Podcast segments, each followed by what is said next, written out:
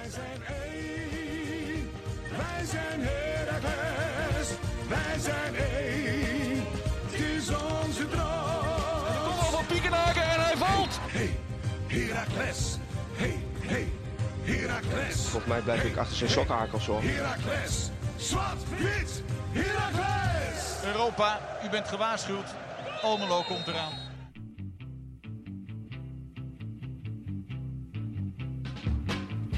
Steven, Kasper, twee dagen na onze reguliere podcast is het inderdaad zover. De podcast die we al aangekondigd met eh, niemand minder dan Lucas Schoofs. zeker.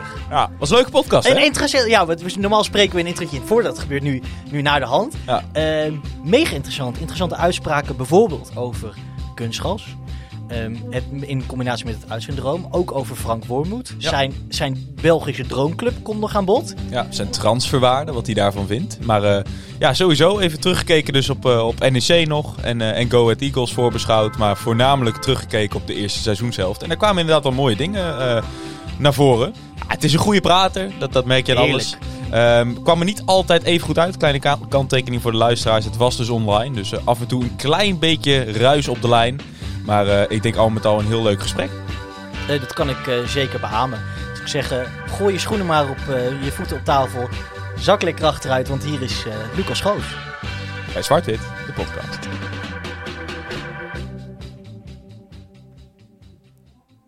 Ja, daar zitten we dan.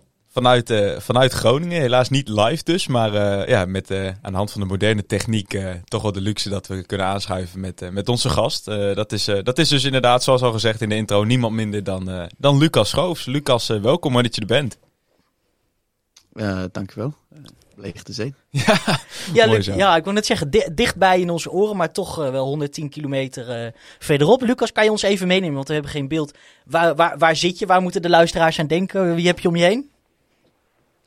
Uh, ik zit ergens in een zijkamertje van de, van de kantoortuin uh, bij Heracles. En uh, ja, de jongens van het ja, mediateam van Heracles die hebben alles klaargezet. En die zitten hier, hier nu langs. Ja, Naast, okay. op zijn Nederlands. Mooi zo. Um, we hebben het al even benoemd natuurlijk, Lucas. Um, uh, hoe we het in gaan delen. We willen het eerst even kort nog over de wedstrijd van NEC hebben. Tegen NEC van afgelopen weekend. Kort vooruitkijken naar de, de wedstrijd van aankomende zondag op Ervasita tegen Go Ahead. En dan nou, natuurlijk wat centraal staat in deze podcast. De terugblik op de eerste seizoenshelft. Um, dus laten we maar er gelijk in gaan duiken. Want we hebben denk ik uh, genoeg te bespreken. Um, als we kijken naar, uh, naar de wedstrijd uh, tegen NEC. Ik, uh, op voorhand was natuurlijk het verhaal van, nou weet je, sinds, sinds 2013 is het geloof ik geen uitwedstrijd meer gewonnen. Of tenminste geen wedstrijd meer gewonnen na de winststop. Was dat, was dat iets wat jullie ook naar jullie toe gecommuniceerd was? ja, de trainer heeft er wel, wel even aangehaald. Maar voor de rest heeft, ja, we hebben daar eigenlijk niet veel over gehad. dat is eigenlijk ook niet zo heel belangrijk. Nee, uh, het is gewoon een toevallige statistiek. En uh, ja, uh, als speler neem je die niet echt mee. Dus vandaar. Nou goed, maar als, als we dan toch maar die wedstrijd induiken, Lucas. je stond in de basis en, en, en wat bleek, na vijf minuten krijg jij misschien wel een van de grootste kansen in de wedstrijd. is die bal op de paal. Kan je nog een beetje voorstellen hoe dat, hoe dat ging zo snel? Uh, ja, ik denk dat een beetje uh, ja, wat, wat ja, klutsen of, of holder de bolder uh, tussen een paar spelers van ons en een paar spelers van NEC. En die bal kwam eigenlijk voor mijn voeten. En ik kon hem meenemen richting ja, de 16. En, ja, rond de 16 kan je natuurlijk, kan je natuurlijk schieten. En ik dacht, ja, ik, de trainer zegt dat ook vaak tegen ons van, ja, jongens, schiet maar wat meer, want ja, om goals te maken, moet je schieten. Dus ik dacht, ik schiet even. En, uh, het was jammer genoeg uh, 10 centimeter te veel uh, naar rechts. Ook met links, hè, geloof ik. Ja, was ook met links, ja. dat was eigenlijk nog een wonder, want, of ja, wonder. Ik, voor de wedstrijd was ik een beetje twijfelachtig, omdat ik de, de wedstrijd, de dag voor de wedstrijd, een serieus ijsbeentje had gekregen. En in de ochtend kon ik mijn been eigenlijk niet echt plooien. Uh, en, en ja, deed alles een beetje pijn. Maar dan uh, ja, met wat uh, fietsen en, en, wat losmaken en, en met een heel strakke ja, drukverband rond mijn been ging dat toch net. Maar dat was net met die linker. Eh, dus eh, dat had wel mooi geweest. Als je nog geen ijsbeetje had gehad, had hij waarschijnlijk aan de andere kant van de paal gekomen. Ja, dat durf ik niet te zeggen. Als we eh, kijken naar, eh, naar sowieso de opstelling tegen NEC, eh, Lucas, sowieso de laatste weken, valt natuurlijk op dat, nou, sinds het bekende wegvallen van, van Rijvloed, ehm, is het eigenlijk zo dat jij, Kio en, en Luca het, het blok op het middenveld vormen.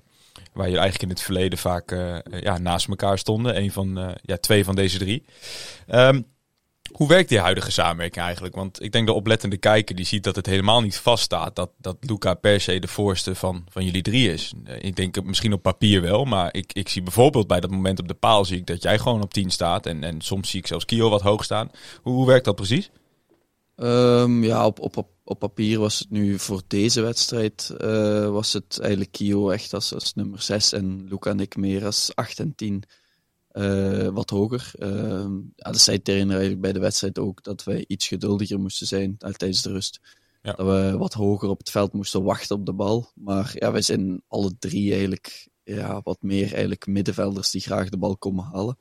Ja. Eh, maar ik denk dat dat ja, ook wel een kracht kan worden of, of is aan het worden, omdat we ja, heel dynamisch ehm, ja, met, elkaar, met elkaar omgaan. Eh, dan gaat een keer Kio hoger, dan eh, ga ik een keertje diep lopen, dan gaat Luca wat hoger, eh, dan is Luca wat lager, komt Kio wat hoger. Dus ik denk dat er wel eh, voldoende beweging in zit eh, bij ons drie. Dus het is wat minder statisch dan bijvoorbeeld eh, met een echte nummer 10 eh, en, en twee zessen of, of, eh, of jongens die echt daar moeten wachten. Dus eh, Ja. ik denk dat dat, dat, dat op zich wel, eh, wel werkt. Is dat iets waar je je prettig bij voelt? Hoger op het veld staan?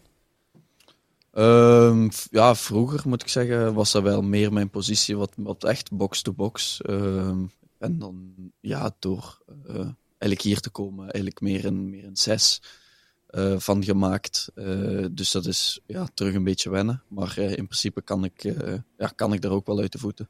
Dus je zou juist zeggen dat je eigenlijk nu meer op je plek bent dan dat je was. Eh, van mijn Van, van Ja. nature uit, laat maar zeggen. Van natuur, van natuur uit denk ik wel echt eh, wel. Want ik ben, eh, ja, ehm, verdedigend ben ik best goed, maar eerder op een, op een slimme manier. Iemand die, die tweede ballen oppikt of, of die ergens nog in een duel zit, maar niet per se heel agressief in het duel, zoals bijvoorbeeld Kiel is.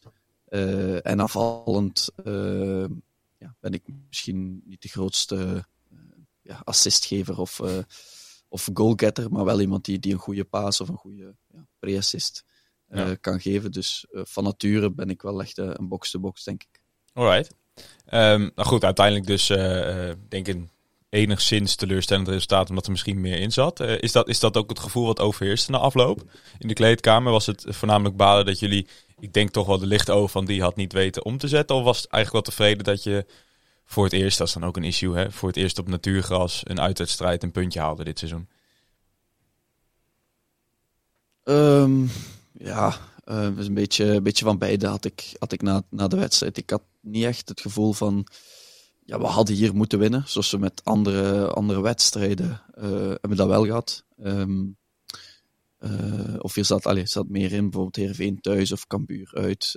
waren voor mij wedstrijden waar ehm, dat dan misschien allee, meer in zat. Ja. Maar omdat we ook een paar ja, we hadden wel het, het beste van het spel en de dominantie eh, voor het grootste deel van de wedstrijd. Maar ehm, ja, zij hadden door de ja, een beetje slordigheid van ons soms, eh, kwamen zij toch eigenlijk ook wel echt aan kansen. Dus eh, ja, vond ik 0-0 op zich wel, wel terecht. Uiteindelijk was dat denk ik een niet- gelijkspel. Ja. Ja, precies. Was dat denk ik niet eh, nou, wat overheerste na afloop in die zin. Het ging natuurlijk voornamelijk om, om je teamgenoot. Er is, genoeg over gezegd en, en over geschreven. Ehm, dus laten we er ook niet meer te veel op ingaan. Maar ehm, ik ben nog wel benieuwd, hoe, hoe was dat voor jullie als selectie? Dat het toch ineens achteraf weer daarover ging. En, en misschien überhaupt het feit dat, dat Rai inviel, die wedstrijd. Oh ja, dat weet je. Ehm, ja, als, eh, ja, we hadden niet uitgemaakt, was dat nu of was het over een maand of twee maanden, drie maanden, vier maanden of over twee jaar, bij wijze van spreken. Ehm, er was altijd eh, commotie en eh, ontstaan. En de journalisten, ja, ik snap ook wel dat ze daarover vragen willen stellen en moeten stellen, Ja. omdat dat ja, dat, dat overstijgt de, de sport, zogezegd. En daar, daar krijg, trek je heel veel aandacht mee. Ehm, maar ja, ik vind dan dat je ook ehm, ja, gewoon over die wedstrijd moet, moet spreken en niet per se over eh, een persoon of wat er rond gebeurd is. Ehm, want ja, dat- daar help je niemand mee, daar help je niet eh, ja, de familie aan de andere kant mee. Of, of eh, Ja. ja, daar breng je geen verslag van, van de wedstrijd uit. En dat is het enige wat ik een beetje jammer vind. Maar voor de rest is het normaal. Nou, laten we dan inderdaad maar eh, door verder praten over voetbal. Ehm, we wilden graag ook met jou nog even vooruitblikken ehm, naar Go Ahead van, eh, van aankomend weekend. Ehm, en daar vroeg ik me bij uit, eh, bij, daar vroeg ik me bij af. Deze week, en het, kan zijn dat je dat niet weet, in het Heracles Magazine eh, stond een heel mooi eh, stuk geschreven over hoe Heracles eh, naar een bepaalde wedstrijd qua trainingen toeleeft. Dus stel, je hebt op zondag een wedstrijd, hoe ziet dan de voorbereiding eruit? Welke training is intensief en, en dat soort dingen. Ehm, als je dan bijvoorbeeld nu kijkt naar, naar Go Ahead van aankomend weekend, zit er dan een verschil in qua training hoe je die wedstrijd tegen NEC aangaat en hoe je de wedstrijd tegen Go Ahead aangaat? NEC, hè? NEC. Ja, niks zit hier. Ehm, ja, de, de, ik heb het, het eh, artikel ook gelezen eh, in het magazine eh, over ja, de trainings ja, indeling. Ja, die kende Ja. ik natuurlijk al, maar het is altijd ja, interessant om het nog eens ja, zwart op wit te zien. Mooi. Mooi, Ehm, ja. Maar eh, ja, het, het enige verschil is eigenlijk ehm, de, ja, het tactisch. eh, de tactische oefeningen die we doen. Bijvoorbeeld vorige week eh, tegen een NEC speelden we, oefenden we meer op balbezit, omdat we wisten dat we, ja, dat we vaak de, de bal gingen hebben. Ehm, en deze week, ja, we hebben nu nog maar één training gehad. ehm, maar eh daar gaan we meer eh, ja, op omschakelmomenten, omdat eh, Go Ahead wel een, een, een echt een team is dat van de omschakeling leeft. Ehm, Vergelijkbaar dus- met NEC, denk ik. In ieder geval zoals NEC ja, tegen speelde. Ja, maar ja, NEC is niet echt... Ik zou zeggen, die hebben wel op de counter gespeeld. Maar eh, is voor mij niet echt een, een counterploeg. Omdat ze niet, misschien niet die, die echte kwaliteit, eh, counterkwaliteit hebben die ik Go Ahead eh, ja, wel toe, toedicht. Op, een, op een andere manier, feller. En met, met ja, meer mensen die diep, diep gingen. Ehm, nu, NEC werd wel zo, omdat Akman inkwam. Ja. Als die niet had eh, ingevallen, ja, als die niet had ingevallen, denk ik dat het voor ons nog wat makkelijker was, om, omdat hij wel die diepgang brengt eh, en die bal kan bijhouden. Maar die andere eh, ja, jongens die normaal, eh, die moeten het meer van, van voetbal hebben. Ja. Dus dan ja, was het minder met omschakeling. Nu draaide de wedstrijd wel zo uit. Maar ik denk dat Go Ahead dat wel echt eh, ja, nog beter uitvoert dan, eh, dan NEC.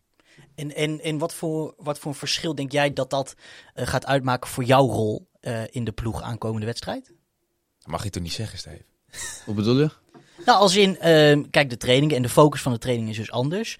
Ehm, Maar ehm, ik kan me ook voorstellen dat jij bijvoorbeeld ook andere instructies gaat krijgen. Hoe, hoe ziet dat er dan bijvoorbeeld uit? Ga jij bijvoorbeeld, ehm, weet niet, komt er extra nadruk voor jou persoonlijk dat jij dus ook anders die wedstrijd in moet gaan met een andere instelling? Eh, dat zou kunnen. Eh, we hebben nog Dat niet. is nog te vroeg. eh, ja, dat is nog te vroeg. Meestal is dat. eh, ja, we spelen zondag, als Ja. ik me niet vergis. Mhm. Eh, dus dan is dat eh, vrijdag, zaterdag. eh, wordt het dan wat tactisch, wat, maar echt tactisch getraind. Nu is dat meer ja, die momenten er wel insteken om, om ons fysiek daarvoor klaar te stomen. Ja. Voor die omschakeling. Maar ehm, ja, donderdag en vrijdag is dat meer met beelden om te kijken van wat doet iemand anders of waar is er ruimte. Dat zou kunnen dat er dan een andere, ja, inderdaad een andere rol kan, kan zijn. Als zij bijvoorbeeld met twee tienen spelen, dat weet ik nu niet. Dan kan het zijn dat ik eh, naast Kio eh, zou komen. Ja. Ehm, doen ze het zoals NEC, dan blijf ik misschien weer wat hoger. eh, dus ja, het is een beetje afwachten. Hebben jullie de uitwedstrijd al, al wel geanalyseerd, Lucas? Hebben jullie alweer Nee, bekeken of nog niet? Dat is voor morgen, denk ik. Oké. Ehm, de eerste dag doen we meestal ja, niet te groot. Ja, we hebben die wel geanalyseerd in, in Toen de tijd. ja, ver- verbaal, zeg maar, op Oké. eh, de dag na de wedstrijd. Maar niet, nog niet met beelden en met eh, ja, een echte analyse. Check. Goed, ehm, denk ik dan genoeg over eh, de actualiteit in de zin van NEC terugblikken en even kort naar Go Ahead Eagles. Dan is het denk ik hoog tijd om naar het belangrijkste te gaan, of in ieder geval het centrale stuk. De terugblik op de eerste seizoenshelft. Ehm ja, ehm, we gaan even chronologisch door. Eh, het eerste wat denk ik daarin opviel, eh, Lucas, is dat de, selectie aardig intact eh, ja, is gebleven ten opzichte van het seizoen ervoor. Dat is ook echt wel eens anders geweest. Toch moesten jullie volgens, eh, volgens Frank, eh Frank Wormoed weer terug naar de basis. Ehm, ik, ik dacht dat ze verder waren, zei hij zelfs eens in die voorbereiding. Ehm, hoe, hoe was dat voor jullie, om dat sowieso te horen van je trainer? Maar heb je misschien ook een verklaring ervoor? Of hebben jullie die gevonden met z'n allen? Ehm, pff, ja, ik denk dat het vooral ehm, ja, de oorzaak is ehm, dat het heel jonge jongens zijn in ons team. Ja. Met Prupper is dan ook de jongen met meeste, met meeste ervaring. eh, en met Breukers eh, twee jongens met heel veel ervaring die uit die kern wegvallen. Ik denk niet dat je dat mocht eh, ja, onderschatten. Ja. En dan ja, is het, ja, denk ik gewoon, ja, jonge jongens die ehm, ja, bepaalde dingen dachten eh, dat ze er ja, al waren, zogezegd. Maar eh, die dan nog even moesten aanherinnerd worden van dit is onze, onze speelwijze en, eh, en zo gaan we het dit jaar opnieuw doen. Dus daarmee denk ik dat de trainer heeft gezegd, we moeten even terug naar, terug naar de basis. Ja. Ehm, en niet per se om, om, om dat we het eigenlijk allemaal niet meer zouden kunnen, maar omdat eh, ja, jongens misschien andere dingen gingen doen dan dat ze het jaar voordien deden. Je, je hebt het al over het, het wegvallen van, of het wegvallen, eigenlijk het, het vertrek van, van Tim Breukers en, en Robin Prupper, twee ervaren jongens. Daarmee ook de eerste en de tweede aanvoerder die vertrokken. Dat, dat, dat, die, die, ja, daar kwam ook een soort vacature voor vrij. Ik kan me herinneren dat eh, de trainer het in die fase vaak had over de stormingfase. Dus dat de, hiërarchie in de selectie opnieuw bepaald moet worden. Ehm, en dat de leiders op moeten staan. Daar waren natuurlijk op voorhand wat mensen op basis van hun ervaring bij Herakles. Uh, Jannis Plaswig natuurlijk meteen vooruitgeschoven. Mats die er al wat langer zit. Ehm, volgens mij Vloet die daar ook naar voren werd geschoven. Een beetje verrassend daarin misschien. eh, kwam, jij ook al best wel snel naar voren. Eh, ik kan me herinneren dat volgens mij de trainer ook zei van ja, ehm, eh, Lucas diende zichzelf ook een beetje aan van ik heb het gevoel dat ik een leiderstype ben en dat op me kan nemen. Ehm, is dat inderdaad vanuit jouzelf gekomen en, en, vind je dat, dat ja, vind je dat, vind, dat, vind je dat inderdaad een, kwaliteit van jezelf? Ehm, ja, ik denk, ik denk dat ik dat altijd wel een beetje, een beetje in me heb. Ehm, dat ik ja, altijd probeer eh, iedereen te helpen en eh, het wat eh, ja, een, een, een ja, leiderschapskwaliteiten die ik wel heb. Ja. Dus misschien meer een, meer een, ja, een, een iets wat stillere leider, maar iemand meer die, die beslissingen in vraag stelt of die ehm, ja, een beetje, een beetje kritisch is, wat je soms ook nodig hebt, naar beslissingen of naar, ehm, ja, naar dingen die je doet of op het veld als iemand dat doet. eh, dan ja, ben ik wel iemand die, da- die daar iets van, ja, van natuur uit van zegt. Over eh, iets van nature zeggen, Lucas. zou, zou je nog iets meer in de, in de microfoon kunnen praten? Eh, Iets dichter. Je moet hem nog net niet opeten, zegt de podcastmaker altijd. Dus eh, als je dat zou kunnen doen, dan, eh, dan Oké, je zit nu op eh, twee centimeter van mijn mond. Dus Perfect. Perfect. Heel dichter eh, Ja. is lastig. Nee, dit, dit, is perfect. Als we het zo houden, dan, eh, eh, dan gaat het helemaal goed. Ehm, als we dan kijken naar, eh, naar vorig jaar, jouw seizoen, had je eigenlijk een ijzersterke tweede seizoenshelft. Ehm van jezelf nou, op die, die dubbel zes positie. Hè? Ehm, dan word je eigenlijk begin van het seizoen tegen PSV en de twee wedstrijden daarop volgend. Misschien wel noodgedwongen door de afwezigheid van Marco Rente. Maar word je toch weer als, als centrale verdediger gebruikt. Hoe, was dat voor jou? Was, was dat lastig?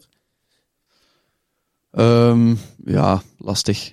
Ehm, ik had er wel eens gespeeld eh, in, in vorig team, eh, maar meer, meer oefenwedstrijden.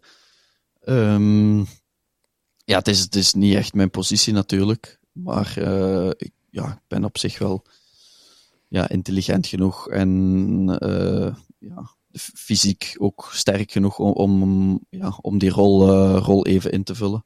Ja. Ehm, ik denk niet dat ja, dat dat zeker niet mijn beste positie ooit kan zijn. Misschien heel laat in mijn carrière. Maar, ehm, Ja.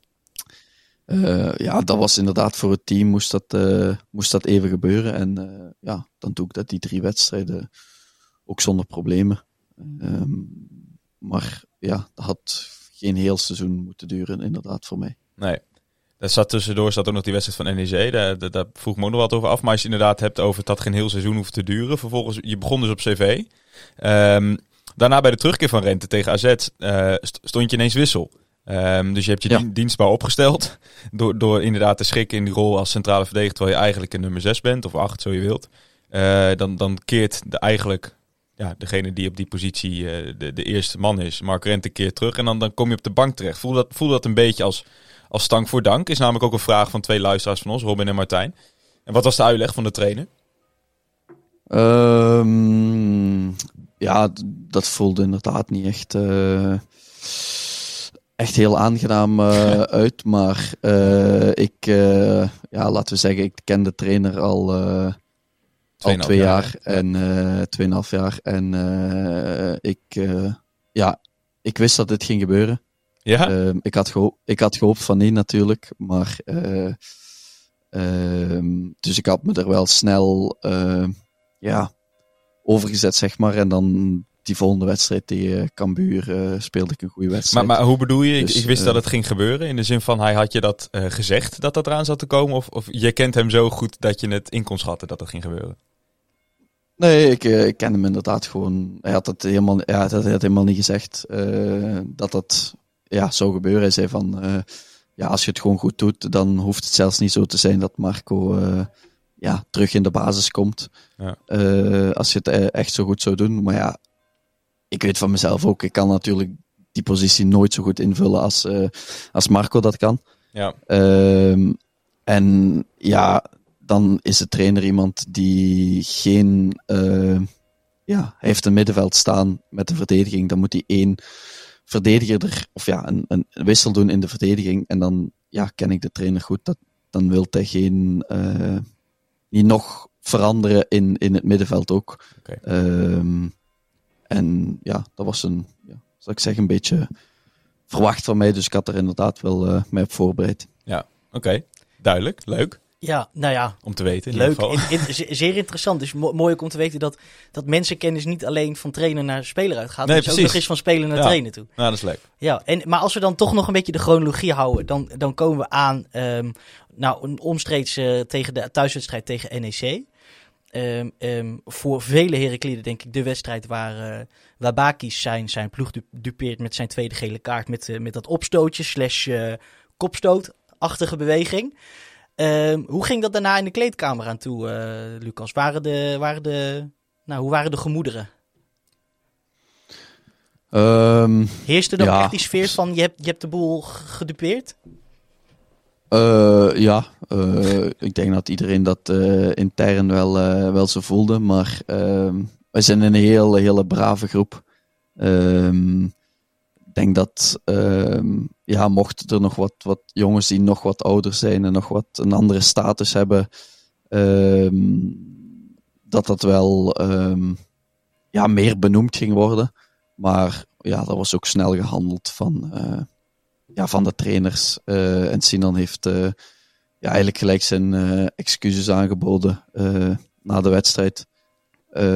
En ja, heeft daar, ja, zou ik zeggen, boete voor moeten doen. Ja. Ehm, en eh, dat is dan, ja, eh, ja, vergeven of vergeten, Ja. zal ik zeggen. Ehm, want we moeten, ja, moeten de week erna eh, terug aan de slag. Dus eh, dat Ja. speelt wel heel even, maar ja. ehm Maar zoiets blijft kan dus een fout maken. En, Zo, zoiets ja, blijft dus niet hangen nu- of zo. Omdat het, het is natuurlijk ook wel eens vaker gebeurd namelijk.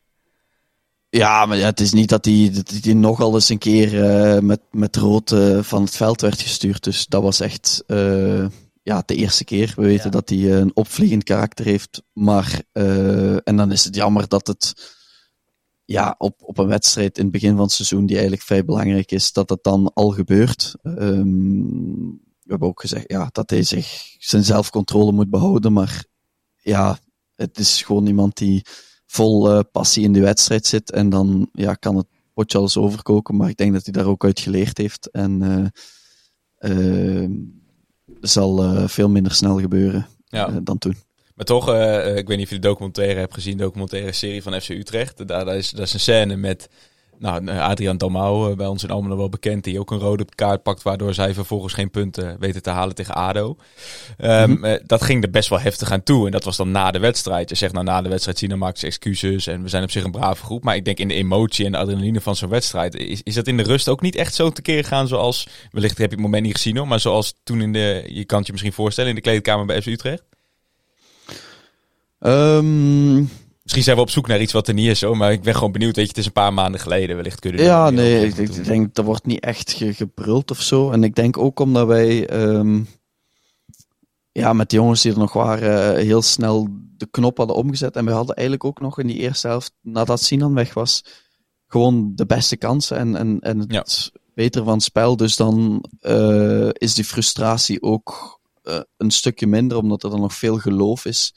Ehm, om, eh, ja, om, om gewoon een resultaat te kunnen halen, ook met, met, met tien, zeg maar. Eh, dat geloof was er, was er echt wel. Ja. Ehm, dus ik denk dat dat dan ook een beetje afzwakt. Stel dat je nu een rode kaart krijgt en eh, je, komt, je krijgt twee keer een tegendoelpunt eh, ja, binnen om, nadat hij die rode kaart heeft. Ja, dan gaat het natuurlijk er wat feller aan toe ge- gegaan zijn. Maar het geloof was denk ik sterker dan, ja, dan de woede op dat moment. Ik denk dat we de titel hebben voor onze podcast. Zo. Op deze manier. Wat een uitspraak.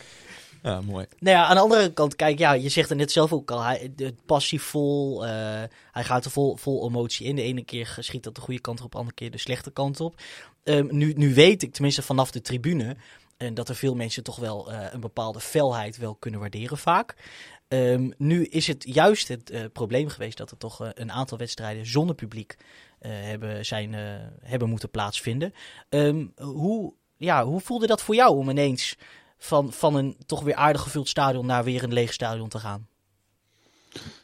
Goh, ehm, heel, eh, ja, heel vervelend. Ehm, ik moet zeggen, eh, ik vond het eh, fantastisch met het, eh, met het publiek terug. Merk je dat echt? Ja, ja, tuurlijk. Ehm, in de wedstrijd, eh, nu kan je roepen, kan je zeggen, eh, hoor je alles. Nu kan ik eh, naar Jannis iets roepen, of kan Jannis iets naar eh, Kai roepen. Maar als, het, ja, als het publiek vol is, ja, dan raakt dat, ja, raakt dat geen vijf of tien meter ver. Dus dan dat geeft toch wel een andere ja, Belevenis. beleving of zo. En, en er moeten ook, ja, er komt meer bij kijken dan. Eh, want alle jongens moeten dan meedenken, mee communiceren. ehm, maar als er geen publiek zit, dan ja, kan de trainer aan de zijkant roepen: eh, Dit gaan we doen. En dan zal het zo zijn. Maar Ja. als het publiek vol is, dan kan de trainer roepen. Dan, maar dan moet je het eerst tegen iemand aan de zijlijn zeggen. Die zegt in het midden. En die in het midden moet het dan weer eh, overbrengen. Dus eh, denk ik dat, ja, dat dat ook een groot verschil is. En natuurlijk ehm, momenten in de wedstrijd ehm, dat je druk gaat zetten of ehm, ja, onder druk komt, dat die steun ja, van het publiek, dat voel je ook als tegenstander. Bijvoorbeeld de wedstrijd tegen Go Ahead Eagles.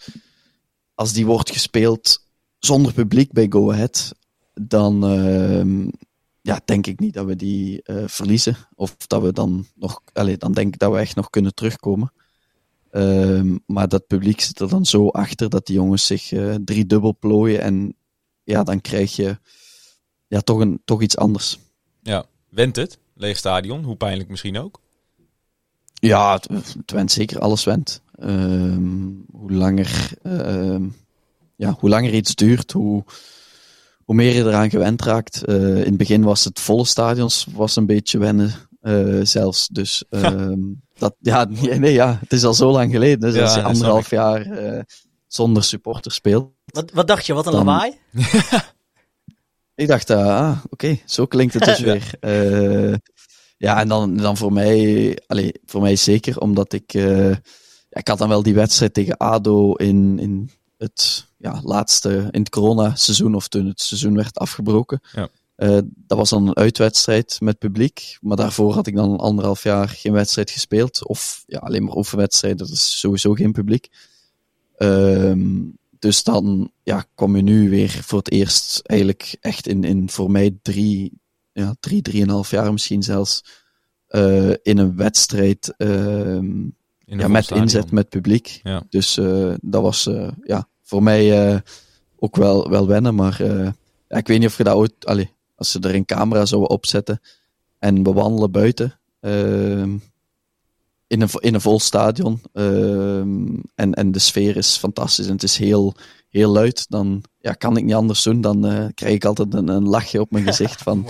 eh, ja, van, van, ja, ik zal zeggen van blijheid of van onder de indruk. Ehm, dus ja, ik vind het wel, ja, ik vind het wel veel beter met publiek natuurlijk. Ja, mooi. Goed om te horen. Het mediateam luistert volgens mij mee. Die, eh, die, die camera die gaat er wel een keer komen, denk ik, op, eh, op je gezicht. Hey, en eh, Lucas, toch hebben we, ehm, denk ik, wat is het, tot Ajax eh, met publiek kunnen spelen. Ja. Ehm, nou, toch nou, aardig, aardig wat wedstrijdjes. In ieder geval misschien wel genoeg om, het weer, om er weer soort van aan te wennen. Eh, ik vond nog een leuke, een leuke anekdote van jou eh, in de Tubantia was het volgens mij.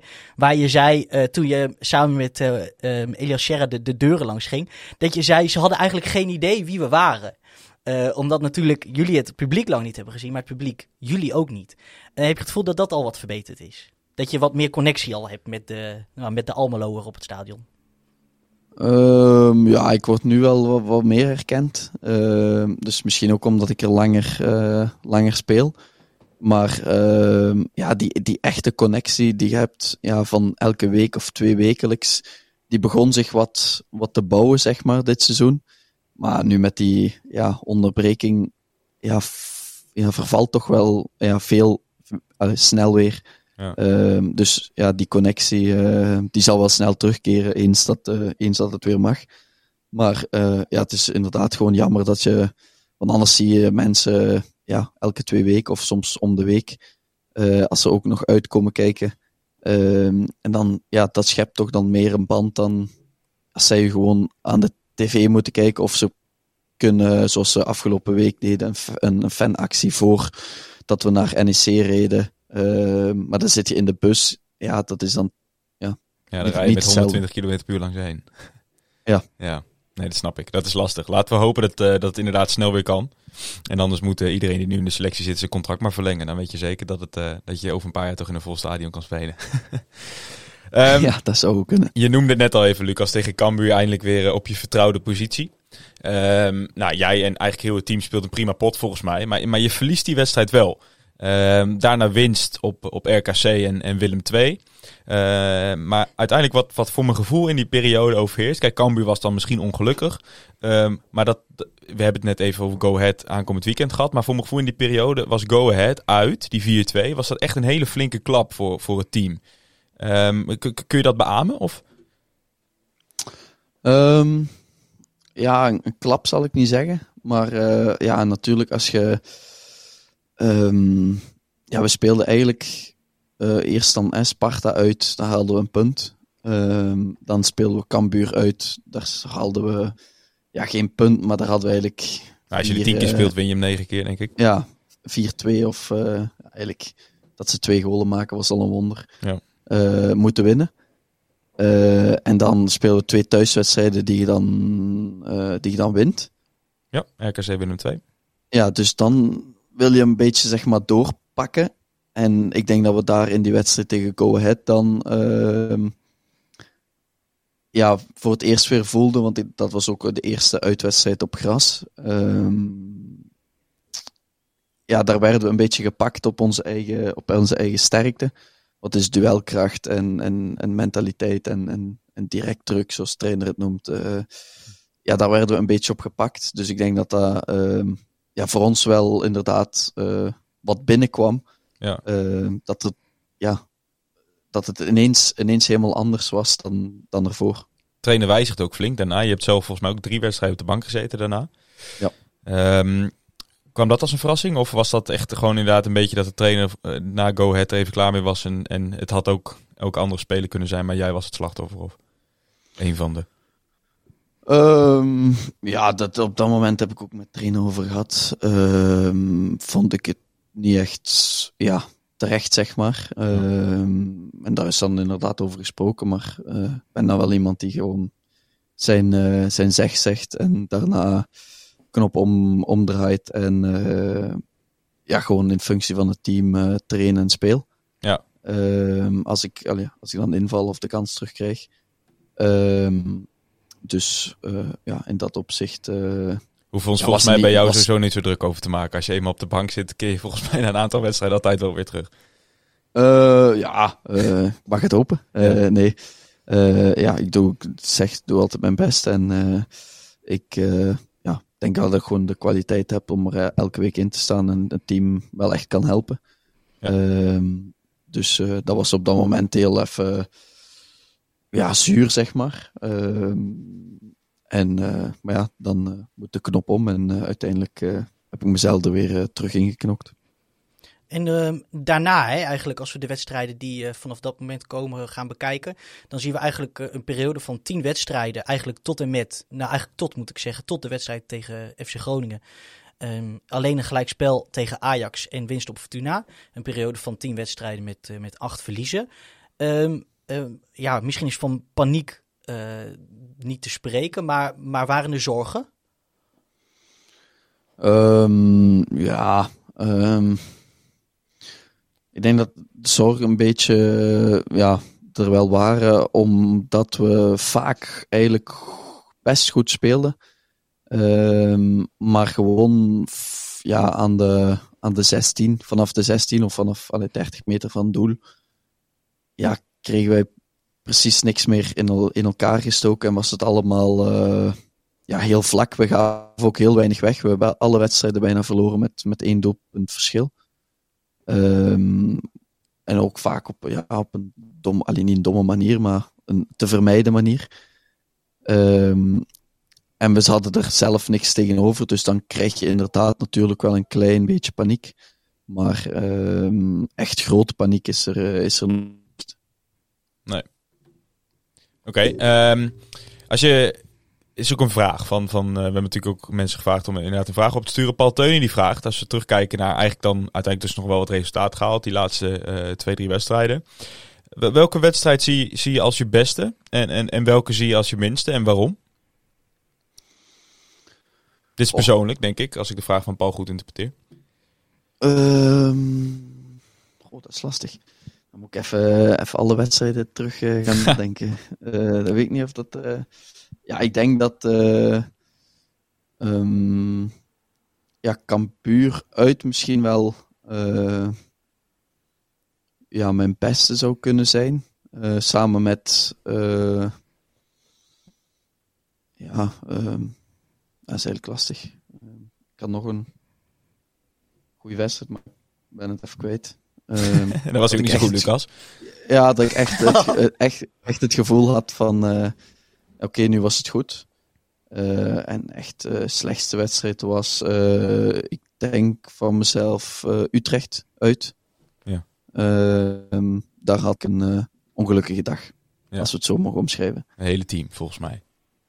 Dat is niet heel gelukkig. Eh, ja, maar ja, dat, dat hangt soms een beetje samen. Maar eh, als op bepaalde momenten een, een ja, juiste beslissing maak, dan kan het team misschien ook verder. En ah, zo krijg je natuurlijk eh, Ja. ja. een samenloop van omstandigheden. Maar eh, als iedereen goed speelt, dan, kan, dan speelt het team automatisch goed. Dus eh, dat heeft er niet altijd mee te maken. Check. En wie was dat, vraagt Paul ook nog? Vind ik een wel leuke vraag. Wie was volgens jou de meest ondergewaardeerde speler, de eerste seizoen zelf? Het zou grappig zijn als je jezelf nu noemt, natuurlijk. Ondergewaardeerd. Ondergewaardeerd. Ondergewaardeerd. ehm, van, van ons team. Ja. Of, eh, ja. Ehm, ja, dat vind ik lastig. Ehm, ja, ja, binnen de, ja, binnen de selectie wordt iedereen wel naar waarde, ja, naar waarde geschat. Ja. Maar ja, ik weet natuurlijk niet hoe dat, dat in de, ja, in, in de buiten. Ik volg het. Ik volg eigenlijk niet echt de reacties of zo, wat, wat mensen vaak hebben op, op wedstrijden. Ik, ja, ik lees dat wel eens, maar ja, dat blijft echt hangen. Ik denk dat eh, ja, Luca de Lato is misschien iemand die niet zo ja, valt. Eh, maar die heeft toch vaak ja, man van de match gekregen. Dus ik denk niet dat hij ondergewaardeerd is. Ehm, maar misschien, ja, als ik zou zeggen, eh, als ik echt iemand moet kiezen, denk ik dat, dat Mats, eh, Mats Knoester moeten zeggen. Omdat die, dat is gewoon echt, eh, ja, een heel, heel goede verdediger. Die heel stabiel is. Ehm, die team ook eh, ja, in, in, in coaching en in, in, rustig, ja, in rustig zijn echt vooruit helpt. En dat dat misschien de laatste, ja, het laatste half jaar misschien dat er meer verwacht werd van hem. Maar dat ik minder het gevoel kreeg dat ze, dat ze eigenlijk wel apprecieerden hoe goed hij er is. Ehm, maar voor de rest, ja, denk ik niet dat er echt iemand ondergewaardeerd is. Oké. Ehm, als we dan kijken, eh, als laatste, over die, eh, eh, die eerste seizoen zelf. Wel- Welk gevoel overheerst nou eigenlijk? Misschien ook toen jullie terugkwamen van, van de korte vakantie. Ehm, uiteraard daarop teruggekeken. Wa- was, was er iets wat er bovenuit sprong? Inderdaad, je noemt al prima spelen, geen punten. Maar ik denk ook niet echt overtuigende zegens wanneer je wel won, denk ik. Correct me if I'm wrong. Maar ja, wat ik zeg, welk, welk gevoel overheerste? Ehm, ja, ik denk, allee, ehm, kan natuurlijk niet voor iedereen spelen rekenen, maar ik denk dat ik eh, wel kan zeggen dat, we, ja, dat ik zelf een beetje teleurgesteld was ehm, in hetgeen dat we, ja, dat we eruit hebben kunnen halen. We hebben vaak wel inderdaad goede of degelijke wedstrijden gespeeld en dan kregen we één kans tegen en dan verloren we die met 1-0. Eh, ja, dan, eh, ja, dan, komt er zoiets van binnen van ja, er, is, er zit hier eigenlijk veel meer in, maar het, maar het komt er niet uit. En dat is heel zonde. En, maar ja, zoals gezegd, we hebben eigenlijk ook weinig wedstrijden met overtuiging gewonnen. Ehm, wat natuurlijk ook een ja, tegen de wand is misschien. Eh, dat, ja, dat we misschien niet zo goed zijn als, we, allee, als, als het soms voelt op het veld. Dat we het verschil niet zo gemakkelijk kunnen maken als, ja, dat heb ik ook gezien. Maar dat, we, dat ik vaak het gevoel heb van eigenlijk zou het verschil moeten kunnen maken, maar dat het dan toch niet zo gemakkelijk is. Ja, nou. Laten we hopen dat eh, in het tweede seizoen zelf het balletje de goede kant op rolt.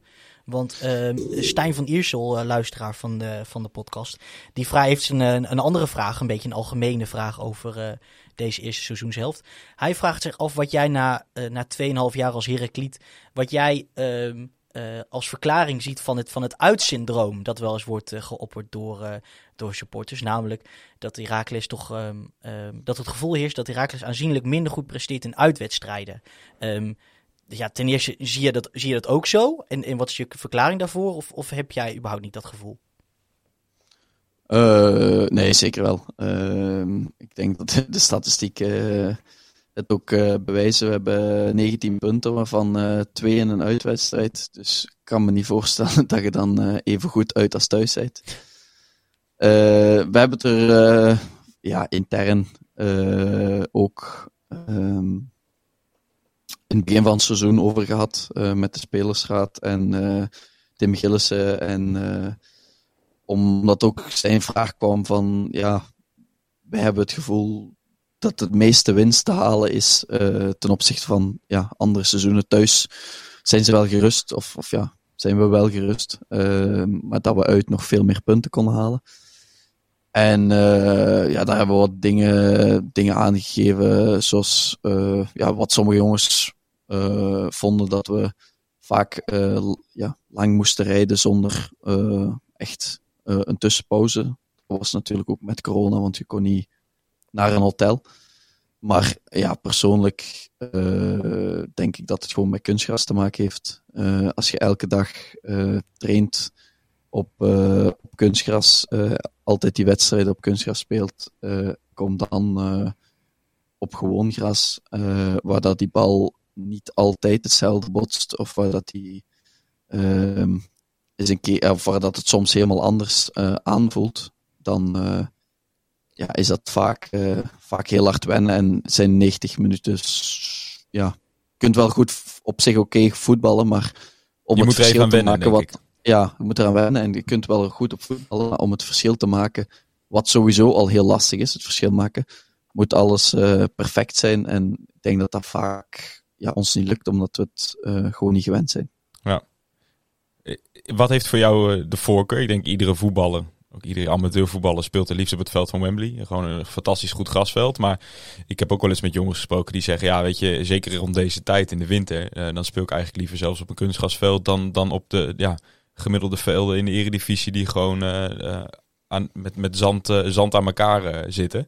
Wat, wat heeft voor jou de voorkeur? En, en, is, het een, een, is het een issue, vind jij? Ehm, ja, persoonlijk eh, heeft mijn voorkeur natuurlijk een goed grasveld. Maar ehm, ja, zoals, ja, ehm, zou ik het zeggen, zoals een club als Heracles. Eh, die hebben gewoon nu een goed veld, eh, en een goed kunstgrasveld. Dat is altijd bespeelbaar, er kan altijd op gevoetbald worden.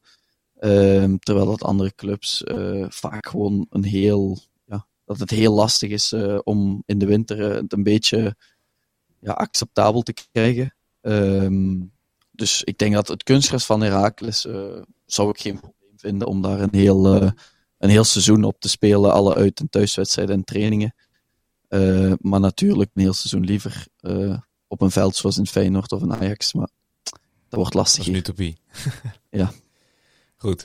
Ehm, Lucas, dan gaan we denk ik eh, over naar het laatste stukje. Ehm, we willen het even hebben over jou, jouw persoonlijke carrière. We hebben natuurlijk je transfermarktpagina erbij gehaald, je Wikipedia-pagina erbij gehaald. Doe je dat zelf wel eens? Of niet?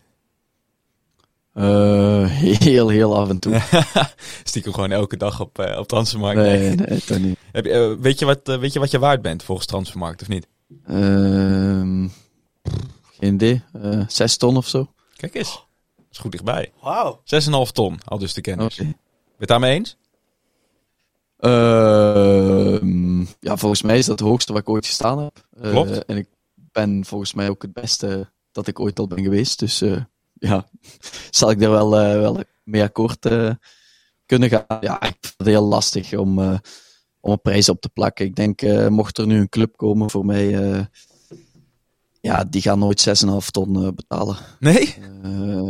Nee. Ja, als ik, als ik, ja, als ik leider zou, of ja, ehm, ja ik, kan- ik kan er ook gewoon mis in zijn. Ik, ik heb vaak het gevoel dat spelers, ja, hun waarde in het algemeen gewoon een beetje wordt overschat. Ja. Eh, maar ja, ik heb natuurlijk geen zicht op de hele markt. Eh, dus ja, het zal wel een ja, oké getrouwbeeld zijn dan. Ja, laten we daar maar vanuit gaan. Ehm, nou ben je, hè, als we kijken naar het persoonlijke, ook daar, eh, we houden van, van het chronologisch doornemen dus, heb je al gemerkt. Je bent op je zeventiende ben je al gedebuteerd bij, bij Lommel SK, of Lommel United, zoals het volgens mij destijds nog heette. Ehm, nu heb je, nou dat zeg je bijvoorbeeld ook in die anekdote zijn met Elias, als je langs de deuren gaat, ben je misschien wat, wat anoniem qua spelen. Wa- Was jij destijds, stond je echt te boek als een groot Belgisch talent? Ook gezien het feit eh, dat je, nou dus sowieso op jonge leeftijd debuteert. Ik zag dat je hebt een wedstrijdje gespeeld bij België onder 19. Ehm, ja, ik, ik was inderdaad. allee, dat werd zo. Ja, zo ineens, ineens wel afgeroepen. En, en alle ja, topclubs volgden mij wel. Ehm, maar ja, dat is iets. Wat denk ik heel. ehm, ja, heel normaal is. Ik, heb in de jeugd bijvoorbeeld. eh, ik heb in de jeugd altijd bij Lommel gespeeld. Ehm, maar daar heb ik nooit een enige aanbieding of interesse van eh, een, eh, een eerste klasser, eerste klasse ploeg ontvangen. Gewoon denk ik ook puur omdat ik technisch een zeer, ja, zeker voor in de jeugd, eh, een zeer eh, ja, beperkte, of niet beperkt, maar een zeer eh, middelmatige speler was. Er waren bij mij ook veel jongens die technisch veel beter waren. Ehm, maar ja, om in profvoetbal te slagen is techniek belangrijk, basistechniek, maar vooral andere zaken. Of, of toch een speler zoals ik. En die komt dan op zijn zeventiende in de eerste ploeg. Ja, dan gaan natuurlijk veel ploegen eh, ineens denken van oké, dat is wel interessant, want als die jongen nog wat kan doorgroeien, dan eh, kunnen we daar eh, een aardig centje mee verdienen. Of kunnen we 6,5 ton. Ja, waarschijnlijk wat meer in hun hoofd. Ik ben toen voor 3,5 eh verkocht, denk ik. Dus, ehm, Maar, maar Lucas, jij, jij schuift het nu een beetje af op je leeftijd en dat je, dat je er vroeg bij was. Maar zij moeten toch meer in jou hebben gezien dan alleen, eh, dan alleen je, je leeftijd en je potentie tot groei. Doe je niet Eh, tekort? Of, of, of vind je dat niet fijn ja, om, nee, eh, dat is, dat is, om, ja, om dat daarover is, te spreken?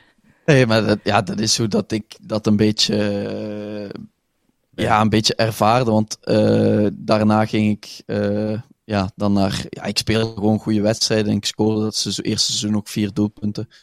Eh, dat in alle clubs natuurlijk wel. Ja, een scorende middenvelder doet het altijd goed.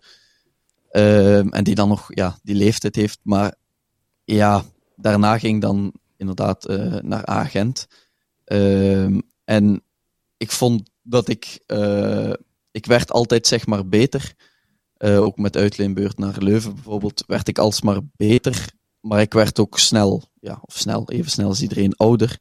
Dus toen kreeg ik het gevoel dat dat, ja, die stempel talent eh, heel snel verdwenen was naarmate dat de leeftijd 19, eh, 20 zeg maar in de buurt kwam. Ja, zie je natuurlijk vaak in die leeftijdscategorie. Dat jongens dan in de, zeker in de jeugdelftallen uitblinken. Maar wanneer het eh, op het volwassen voetbal aankomt, dat het allemaal weer een beetje naar elkaar toetrekt. En dat sommigen dan zelfs juist weer, eh, juist weer minder zijn. Ehm, je zegt inderdaad al transfer naar de landskampioen. Doe je zelf niet tekort. KA-agent op dat moment. Ehm, ik noem het ook al even. België onder 19. één wedstrijdje. Tegen Italië was het, zag ik. 45 minuten. Ik, ik, heb, ik herkende geen enkele naam, Lucas. Dat, dat is dan natuurlijk wel jammer. Hè? Dan hoop je dat je tegen geweldige Italiaanse spelers hebt gespeeld. Of zo. ja, Dat- nee. Ja, maar ik heb, ik heb wel meer eh, dan één wedstrijd gespeeld voor eh, onder 19. Ik heb eh, het eerste, ja, eh, in ja, het eerste jaar dat ik prof was, dus bij Lommel, eh, of ja, semi-prof, heb ik eh, ja, één, wedstrijd, of ja, één wedstrijd gespeeld tegen Rusland. eh, voor de kwalificatie van het Europees kampioenschap. Maar daar viel ik dan geblesseerd uit. Maar dat was met een, ja, een jaar ho- hoger, dus met de leeftijd van 1996. Zaten daar wel dan- wat bekendere jongens bij? Die we nu misschien kennen?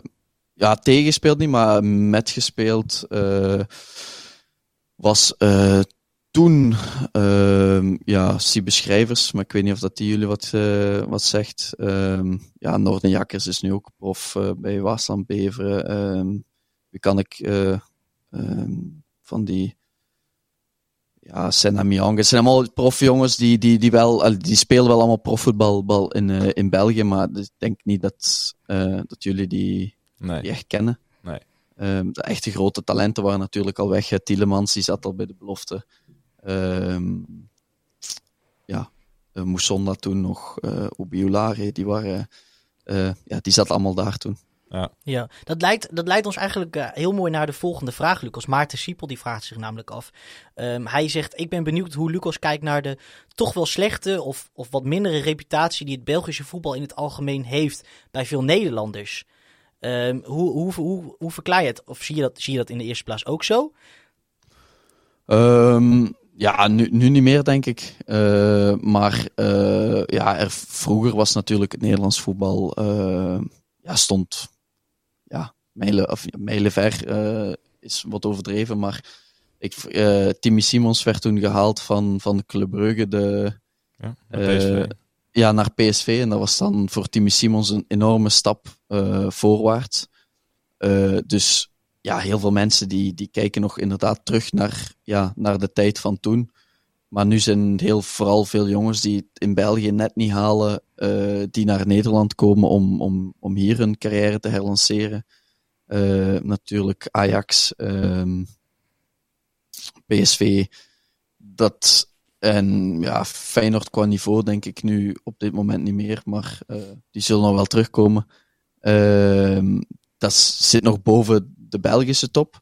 Ja. Maar alles daaronder denk ik dat momenteel heel, heel vergelijkbaar is. Maar ik snap wel dat Nederland vroeger, ja, met, met vooral in het achterhoofd wat er een aantal jaar geleden het niveauverschil was, nog steeds een beetje neerkijken op het, allee, op het Belgisch voetbal. Ja. En ook, het is jullie, niet jullie eh, manier van voetballen. Nederlanders willen mooi eh, voetballend eh, voetbal zien. En als je naar de Belgische wedstrijd kijkt, dan eh, krijg je vooral duels en knokken. En af en toe is een hele, hele mooie aanval of, of ja, een mooie actie. En, maar het is, het is minder voetballend dan in Nederland. Maar zeker niet minder spectaculair hoor. We hebben zelf een paar, paar maanden geleden, ook onder andere met Maarten die de vraag stelt, waren wij naar achter de kazerne, Mechelen tegen uh, Zultwagen was het. En nog naar Anderlecht Beerschot. En we hebben in twee dagen tijd hebben we twaalf doelpunten gezien. Dus zeker niet minder ja, spektakel. Die, uh, nee, die wedstrijden, die, uh, dat was net voor de winter, denk ik. Hè? Ja, klopt zeker. Ja, ja 0-7 en die andere was ja, 3-2 zeker. Of... Ja, nou goed, 0-7 was inderdaad volgens mij in de beker was dat. De editie van Beerschot Anderlecht. Of Anderlecht Beerschot, geloof ik hè. Oh, was Nee, in de beker, was ja. niet... eh, de Nee, nee, nee, wij waren al wel iets eerder, waren wij. In oktober Oh, was dat. Dat hebben we, volgens mij was Oh, eh, oké, oké. 2-2 en 4-2 geloof ik. Ja, Ja, oké. Hij heeft goede eigenlijk- reclame. Ja, hij heeft eigenlijk nog als vervolgvraag, eh, Lucas, heeft hij... ehm, jij zegt dat, dat vechtvoetbal, dat, dat, dat knokvoetbal... ehm, vind je dat bij jezelf passen? En zou je, zou je graag weer willen terugkeren naar de Belgische competitie? Ehm, ja, ik zou, zou graag terugkeren naar de Belgische competitie. Eh, vooral omdat ik eh, wel iemand ben die familie en, en vrienden eh, dat heel ja, veel belang aan hecht en, en dat ook gewoon nodig heb. Zou het wel leuk zijn. Almelo is natuurlijk niet zo heel ver. Van twee uur en een half rijden. Ehm, maar om wat dichter bij huis terug te voetballen. En ik denk dat me dat ook wel gewoon echt ligt. Ehm, ik heb, eh, ja, door naar Nederland te komen, heb ik eh, een heel stuk beter eh, leren voetballen. Ik denk dat voor mijn ontwikkeling wel een, een hele goede stap was om, ja, eerst in NAC, dat is dan iets anders uitgedraaid, maar daarna hier in Heracles. om ja, aan, die aspecten van het voetbal, wat eigenlijk mijn minste ja, kwaliteiten waren vroeger. het puur voetballende en het technische. Eh, heb ik daar hier hard aan kunnen werken en heeft dat ook wel geloond, denk ik. En eh, met die extra bagage zou ik eh, inderdaad wel graag terugkeren naar België. Ben je fan van de club? Van een club? Ja, dus Cyril Nee, die, keerde terug nee. bij zijn, zijn, zijn droomclub Genk. Heb jij ook zo'n club? Of, eh? Nee, ik heb dat nooit, nooit echt gehad. Ehm, nooit echt supporter geweest van een club of nooit echt eh, ja, specifiek voor één club eh, geweest. Maar als je er eentje zou moeten kiezen, welke lijkt je mooi om eh, bij te voetballen? Goh, momenteel denk ik, eh, ik heb altijd een kleine zwak gehad voor, voor KV Mechelen. Ehm, omdat die, ja, ik, wel ook al schoof, hè? Ja, die, ja, daar heb ik nog mee gevoetbald bij Agent. Ah, mooi. En eh velen vroegen mij eh, vroegen af en toe aan, hij is je broer? Maar ja, nee, eh ze komen wel allebei uit Limburg, Belgisch Ja. Limburg. Maar eh, Iets verfijndere Eh, techniek. iets, eh, ja, ve- veel eh, linkerpootje, hè, dus eh, dat is echt genoeg. hè. Ja. En eh, nee, een hele goede voetballer. En, eh, maar zoals ik zeg, ja, die, die sfeer daar, ehm, ja, ook wat een beetje ja, werkmansvoetbal, maar toch, toch mooi en verzorgd. En vooral die sfeer daar Ja. spreekt me wel echt aan. Ook een echte Belgische club, eh, met veel, eh, ja, met lokale, lokale mensen en, en veel Belgische, Belgische spelers. Ehm, Kunnen we absoluut beamen. Even terug nog naar, jou, naar het begin van je carrière, Lucas. Je werd verhuurd aan Leuven en aan NAC vanuit Gent. Uiteindelijk dus doorgebroken in Almelo. Ehm, eh, hoe, hoe belangrijk was Stijn Vreef voor jou in die periode? Ik ging volgens mij ook van Lommel naar NAC. Had, dat, had hij een flinke vinger in de pap eh, in jouw keuze van Lommel naar... eh, of uiteindelijk de stappen die je tussentijds dus wel hebt gemaakt, maar uiteindelijk van Lommel naar NAC? Ehm, ja, ik ben dan van, van Lommel naar Gent gegaan en dan Ja. van Gent verhuurd. Ja, was op een gegeven moment, ik kwam eigenlijk terug van een, van een blessure die ik in Leuven had opgelopen op het Mhm. einde van het seizoen. En eh, daar heb ik eigenlijk langer mee gesukkeld dan eh, nodig was. Ehm, door ja, niet de juiste medische zorg of ja, wat dan ook eh, te krijgen. Ehm, en dan ja, was het ja, kwam eigenlijk Hans Smulders, die toen technisch directeur was bij NAC. Die, was, ja, die woont in België, dus die, en niet zo heel ver van Lommel, dus die had me al vaak zien spelen en die eh, ja, was eigenlijk fan. En die wou me naar, eh wou me naar NAC halen. En natuurlijk met dat Stijn Vreven daar zat, die ik vroeger één jaar had gehad bij eh Lommel United, die me had laten debuteren, was dat natuurlijk wel iets van oké, dit, dit kan wel heel, heel goed werken. Maar dan, ja, na vijf wedstrijden of zo, raak ik dan zwaar geblesseerd. Dus dat was dan jammer. Anders had mijn carrière er waarschijnlijk eh, Begonnen. ook anders uitgezien. Ja. Nou, toch liep dat pad, eh loodste dat pad jou eh, hier naartoe, naar, eh, naar Almelo. Ehm, de luisteraar zal vast ook weten dat Team Gielissen eh, ook, eh, Team. ook, ook een, eh, een verleden heeft bij NAC. Ehm, ehm, kwam die interesse vanuit Heracles dus bij jou als verrassing? Of, of tenminste, kende jij hem al? Hoe liep dat contact? Eh, dat kwam eh, ja, meer ja, als een verrassing en als, ja, niet, niet per se verrassing, want ja, je weet nooit wie dat, Zich meldt. wie dat, eh, wie dat u een kans wil geven. Want je kent zoveel mensen na een tijd in het voetbal. Maar het kwam inderdaad eerder als een, als een verrassing. En ja, een heel goede verrassing. Want ik denk, ja, als Heracles mijn, eh ehm, ja, mij niet had opgevist, dan had ik eh vorig seizoen in, ja, denk ik, een amateurclub eh, moeten beginnen. ehm, in, in België terug. Eh, en dan was het eh, verhaal om, om profvoetbal levend te houden eh, een heel stuk moeilijker ge- geweest. Ja, is dat Dus, echt, is eh, dat, dat echt je gevoel? Dat, dat de Herakles wel gewoon je laatste redding is geweest? Ja, ja, zeker. Want Door die blessure denk ik vooral, toch? Of? Nee, dat was, ja, was na de blessure. Ja. Eh, door de blessure, ja, ja. Ja, nee, ik, ik kwam ja, anderhalf jaar niet gevoetbald. Eh, toen moest ik terug naar A-Gent. Ik had er nog één jaar contract. Ehm, ja, gelijk in de B-kern eh, terechtgekomen. Wat niet heel, eh, heel raar is natuurlijk. Ehm, en dan ehm, ja, hele zomer eigenlijk zitten wachten. Mijn makelaar is serieus aan het werk geweest om eventueel eh, Belgische clubs eh, te overtuigen van eh, neem die jongen nu, gaat u niet beklagen. Ehm, en aan het lobbyen geweest, maar dat schoot niet op. En toen ja, zat ik na een training in Gent ja, op, een, op een terrasje zeg maar, te eten. En toen belde mijn makelaar van ja, eh Heracles had geïnformeerd. En toen belde hij en eh, hij zei van ja, eh, ziet je er zitten? En ik zeg ja, uiteraard. Eh, want ik zou alles aangenomen hebben dan. Allee, als niet, niet ongelooflijk. eh, Even googlen wat, waar Herakles vandaan komt. En, en- ja, als- ja, ja, dus niet, niet eh, dat het eh, bij wijze van spreken in de woestijn of ergens was. Dan eh, ja, zag ik dat zeker zitten, maar toen belde die al gelijk terug. Ja, nee, ze gaan het toch niet doen. En dan s'avonds belde die. Ja, nee, ja, je, moet toch, je mocht toch drie dagen komen testtrainingen om te kijken hoe het ervoor staat. Ja. Eh, en dan gaan ze. Ja, en dan na die drie dagen mocht ik dan. eh, ja, mocht ik er dan nog tekenen, gelukkig. Was dat toen, hè? Want Raaks heeft natuurlijk wel vaker gehad, omdat ze geen jeugdopleiding hebben, dat sommige spelers echt als een tweede elftal speler worden gehaald. Gewoon eigenlijk klinkt heel, heel lullig, maar ter opvulling. Hoe was dat bij jou? Was er echt wel potentie om een baasspeler te worden? Of was het inderdaad ook een beetje hoe lucht dat klinkt, maar ter opvulling destijds?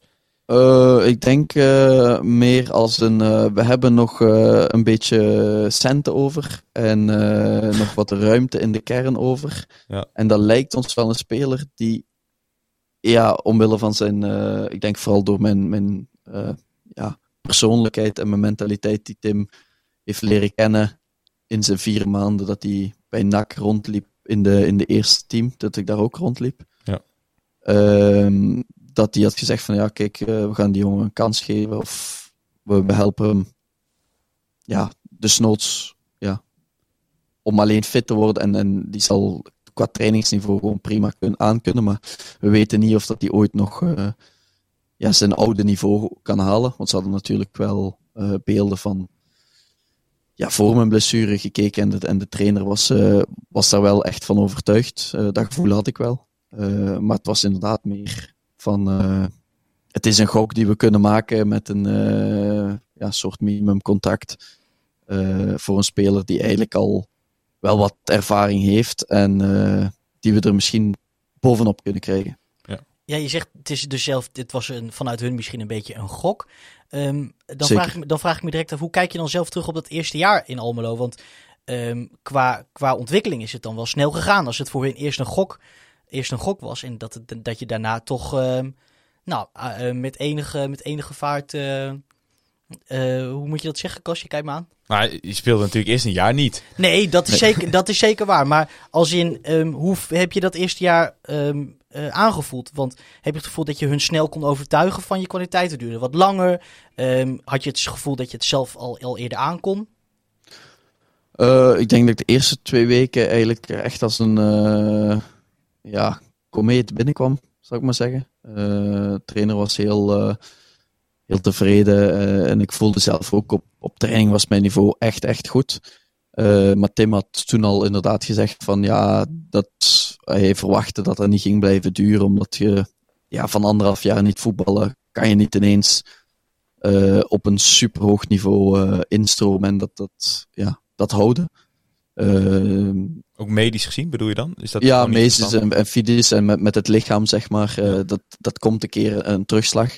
En eigenlijk na die twee, drie weken, ja, kom je eigenlijk heel positief, ja, met volle goesting. En dan merk je van, oké, ik zit hier nog wel heel ver van de selectie, niet per se omdat mijn kwaliteiten er niet zijn, maar omdat ik het nog niet heb kunnen laten, ja, laten zien. En ze willen er ook, ja, Heracles is altijd een, een ploeg die bewust heel veel tijd neemt met jongens om ze ja, niet te verbranden. Ehm, en dan eh, was het inderdaad even tot aan de winterstop wat lastiger eh, voor mezelf. Eh, omdat ik verwacht had dat ik sneller bij de selectie ging zijn. En omdat ik ook vond dat mijn niveau dat eigenlijk wel rechtvaardigde. Soms, niet altijd. Ehm, maar omdat ze toch een brede selectie eh, meenamen. Ehm, maar dan na de winterstop is dat eigenlijk een beetje gekeerd, omdat ze geen nieuwe rechtsachter haalden. Toen was ik eigenlijk de backup rechtsachter van Tim Reukers. Ja. En eh, toen ja, was dat was dan ook niet mijn positie, maar eh, ik was dan blij dat ik In ieder geval ja, wel altijd, in ieder geval altijd eh, bij de selectie zat. En mocht er iets zijn met Tim, eh, dat ik dan eh, ja, gelijk kon mijn kans kreeg. Dat gebeurde natuurlijk tegen ADO. Hele seizoen geen minuut gemaakt en dan ineens 90 minuten tegen ADO. Dan ga je denk ik met een lekker gevoel toch wel die, die zomer in. Dan, dan vertrekt eigenlijk jouw grootste concurrentie, eh, meervoud, vertrekt. Eh, Alexander Merkel vertrekt, Mo Olsman vertrekt, eh Sebastian Jakubiak vertrekt. Allemaal jongens die denk ik op, op jouw favoriete positie speelden. Wist jij op dat moment dat, ehm, dat jouw kans eh, zou komen, het seizoen daarop? Ehm, goh, ehm, ja, eigenlijk mijn grootste concurrent eh, was eigenlijk nog gebleven. eh, Kio nog steeds, ja. Omdat wij, eh, ja, omdat wij een soort van, eh, ja, beetje hetzelfde, hetzelfde type waren of, of zijn. En eh, toen wist ik wist al van begin van het seizoen, eh, ik had eigenlijk, ja, ik ging, je zei van, ging seizoen- eh, gevoel de, zomer in, maar dat was eigenlijk niet echt zo, want eh, ik had net het gevoel dat mijn niveau een beetje een stijgende lijn ging en dat ik dat seizoen nog wel buiten die, die wedstrijd tegen, tegen ADO eh, nog wat meer had kunnen laten tonen, mocht het seizoen nog wat verder hebben gegaan. Ja. Ehm, dus dat vond ik heel jammer dat dat seizoen werd afgebroken, omdat ik voelde dat ik echt een stijgende lijn zat en dat nog niet echt had kunnen laten zien.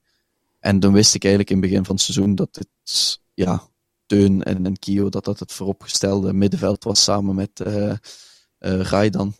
Ja. Dus dan wist ik dat ik gewoon geduld moest hebben en eh, wachten op mijn kans. En die is er dan na de, na de winter gekomen. En toen eh, ja, ben ik er eigenlijk niet meer uitgegaan.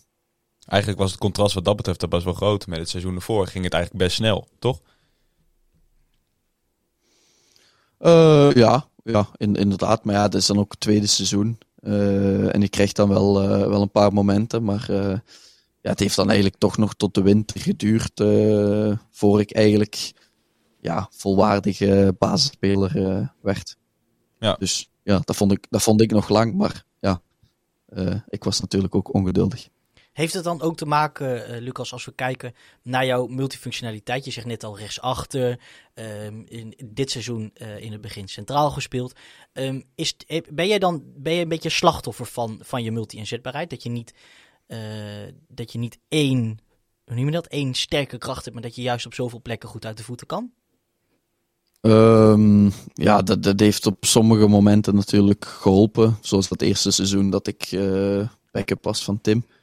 Ehm, helpt dat natuurlijk om altijd bij die selectie te zijn en eventueel eh, ja, een kans te krijgen. Maar ik denk dat dat ook wel eens ja, slechter eh, uitdraait van oké, ja, Lucas kan ook een andere positie spelen. Ehm, we zullen hem daar maar ja, zetten of voor gebruiken. Eh, want iemand anders, ja, eh, met een vergelijkbare positie, kan daar eigenlijk niet spelen. Dus eh, Dan jij maar. dan doe, ja, Ja. doe jij het maar. Nou, naast die multifun- multifunctionaliteit we bijvoorbeeld ook vaak in de media kunnen lezen dat jij je eigen educatie nog, nog ook belangrijk vindt. Als ik het goed heb, volg je nog steeds vakken aan de universiteit? Ja, ik heb eh, maandag eh, examen gehad. En eh, volgende week woensdag eh, heb ik eh, nog een examen. Wauw, kijk, eens, hoe, hoe, ging dat, eh, hoe ging het examen maandag? Goh ja, eh, ik had de week daarvoor ook al eh, woensdag een examen gehad. Dat ging prima. Ehm, maar eh, dat examen van nu maandag zal een beetje 50-50 zijn. Is dat fysiek of online, de examens? Oh nee, het was gewoon fysiek. eh, in, eh, in Gent moest ik aanwezig zijn. Handelsingenieur, hè, Lucas? Klopt. Hoeveelste jaar? Eh, ja, hoeveel jaar ben ik aan bezig of hoeveel jaar zit ik? Ja, het is een beetje afwijkend, heb je volgens mij wel eens gezegd, hè? Dat je, je, je volgt Ja, ik zit eigenlijk in reguliere- het la- laatste jaar van mijn, van mijn bachelor. Eh, dus eh, ja, die zou dit jaar af moeten zijn, de bachelor. Ik denk eh, een bijna net zo technisch verhaal als jouw opleiding is eh, de, de, de, de dubbel zes rol die, ehm die Frank Wormoed heeft bedacht. Eh, kun, je, kun je ons daar eens wat meer over uitleggen? Eh, ik denk dat best wel veel mensen daar benieuwd naar zijn wat dat nou precies inhoudt, dat je met twee nummer 6 speelt. Goh, eh, ja, Heb je speciaal even? is dat niet hoor. Oké. Gewoon, ja, dubbel, dubbel zes, dat is eigenlijk iets gewoon, ja, wat, wat vrij normaal is denk ik in voetbal. Ehm, Nou, het begint wel op te komen, toch, eh, Lucas? Want je hoort vaak mensen spreken over de, de, de double pivot. Dat het toch eh, niet per se zo simpel is als, 6, 18. als, als, 6, als 6-18 of gewoon 1-6 achterin en daar dan twee van, als je me snapt. Eh, ja, nee, klopt. Eh, dat is natuurlijk een beetje. Maar dat is meer. ja, denk ik ook de, de Nederlandse ja, voetbalschool die liever met een, eh, met een echte zes spelen. Mhm. En, eh, en dan ja, met nog een beetje een 8 en, en een 10 erbij. Eh, maar ja, in België zelf ben ik mijn carrière eigenlijk ook. Ja, dat begon ook als een dubbel 6 in, in, in de verdediging. Maar ja, aanvallend, ja, zoals nu Luca Della Torre of, of ik, ga dan af en toe eens eh, eh, wat hoger in het veld in, in balbezit. En in balverlies is dat eigenlijk gewoon met twee eh, ja, verdedigende middenvelders. Dus ja, heel speciaal is dat niet. Maar Het is meer een Eh, 6-8 bedoel je dus, dan een echt... ja, het is eigenlijk meer een ja, 6 8. Je Ja. kunt eigenlijk allebei, allebei de positie invullen. Je noemt het natuurlijk dan een, een dubbel 6, omdat, eh, ehm, ja, omdat de trainer vooral ehm, vanuit de verdedigende positie eh, spreekt. Eh, want aanvallend ja, is het moeilijker om, om die posities echt vast te pinnen. Dan ben je toch iets vrijer. Maar verdedigend eh, is het dan ja, die dubbel 6 die dan ja, gelijktijdig moet bewegen. Allebei naar rechts of allebei naar links. Of eh, eentje naar voor, eentje naar achter. Ehm, ja, dat is dat, dat vooral, denk ik. Je, je noemde hem al een paar keer, Luca Della Torre, die natuurlijk vaak naast je heeft gestaan in die rol. Hoe, hoe goed is hij, Lucas? Wij, vinden zelf wel eens, als we het in de podcast over hebben, het is een makkelijk cliché om, hem, eh, om het te vergelijken met hem, met Frenkie de Jong. Maar eh, je ziet hem natuurlijk vijf keer in de week voetballen. Is, hij heeft er echt wel wat van weg, hè, qua in ieder geval zijn stijl. Eh, ja, klopt wel. Ja, trainer zegt altijd, als, eh als jij nog golen kon maken, dan eh, speelde je bij Barcelona, zei hij altijd Ja. tegen. Mooi. Ehm, maar Luca is eh, technisch eh, ja, toch een van de betere spelers waar ik eh, ooit al mee heb eh, samengevoetbald. Hij is natuurlijk een stuk minder fysiek dan eh Frenkie de Jong. Frenkie de Jong is, eh, eh, ja, staat zo stevig op zijn, op zijn voeten. Eh, die krijgen echt niet van de bal gezet. Luca is ook moeilijk van de bal te zetten, maar puur omdat hij zo, zo snel en zo klein en, eh, Wendbaar is. en, en wendbaar is.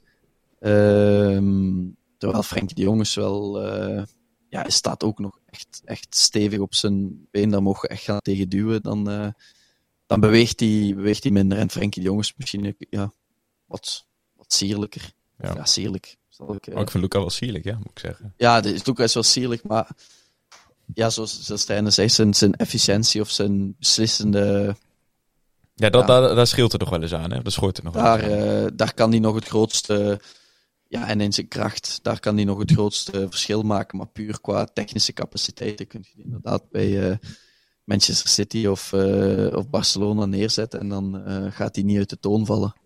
Dat is voor een speler als mij natuurlijk wel iets anders. Ja, hoe zit dat anders dan? Waar, waar liggen jouw ambities nog? Ehm, ja, ik wil natuurlijk ook zo hoog mogelijk raken.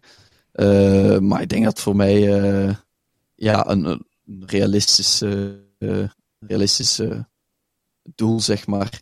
Eh, niet nu, maar eh, als ik eh, eenmaal echt op mijn top ben, is om in een Belgische of een Nederlandse ja, topclub of, of echt subtopclub.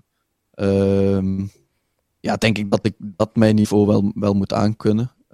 En misschien, misschien in het buitenland bij een, ja, bij een Italiaanse of een Duitse of een Franse ja, middenmotor is het verschil ook niet, eh, of het niveau ook niet zoveel hoger da- dan nu. Ehm, dus dat zou eventueel ook nog wel kunnen, maar ik denk inderdaad eh, dat ik technisch ehm, niet de voldoende kwaliteit heb om eh, echt bij de, bij de absolute top, maar dan ja, mee te, mee te kunnen draaien. Oké, mooi. Lucas, tot slot dan. Ehm, eh, afgelopen, nou, ik denk inmiddels twee weken, drie weken geleden alweer, eh kondigde onze trainer, jouw trainer, aan eh, te vertrekken aan het einde van dit seizoen.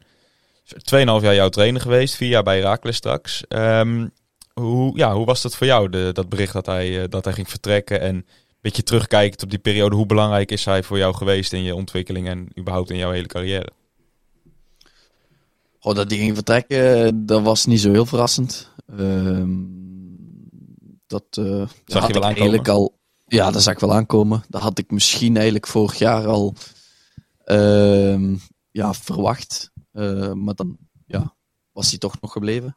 Ja. Ehm, maar eh, ja, natuurlijk heel belangrijk geweest in, ja, in, in mijn herop, heropbouw van mijn carrière.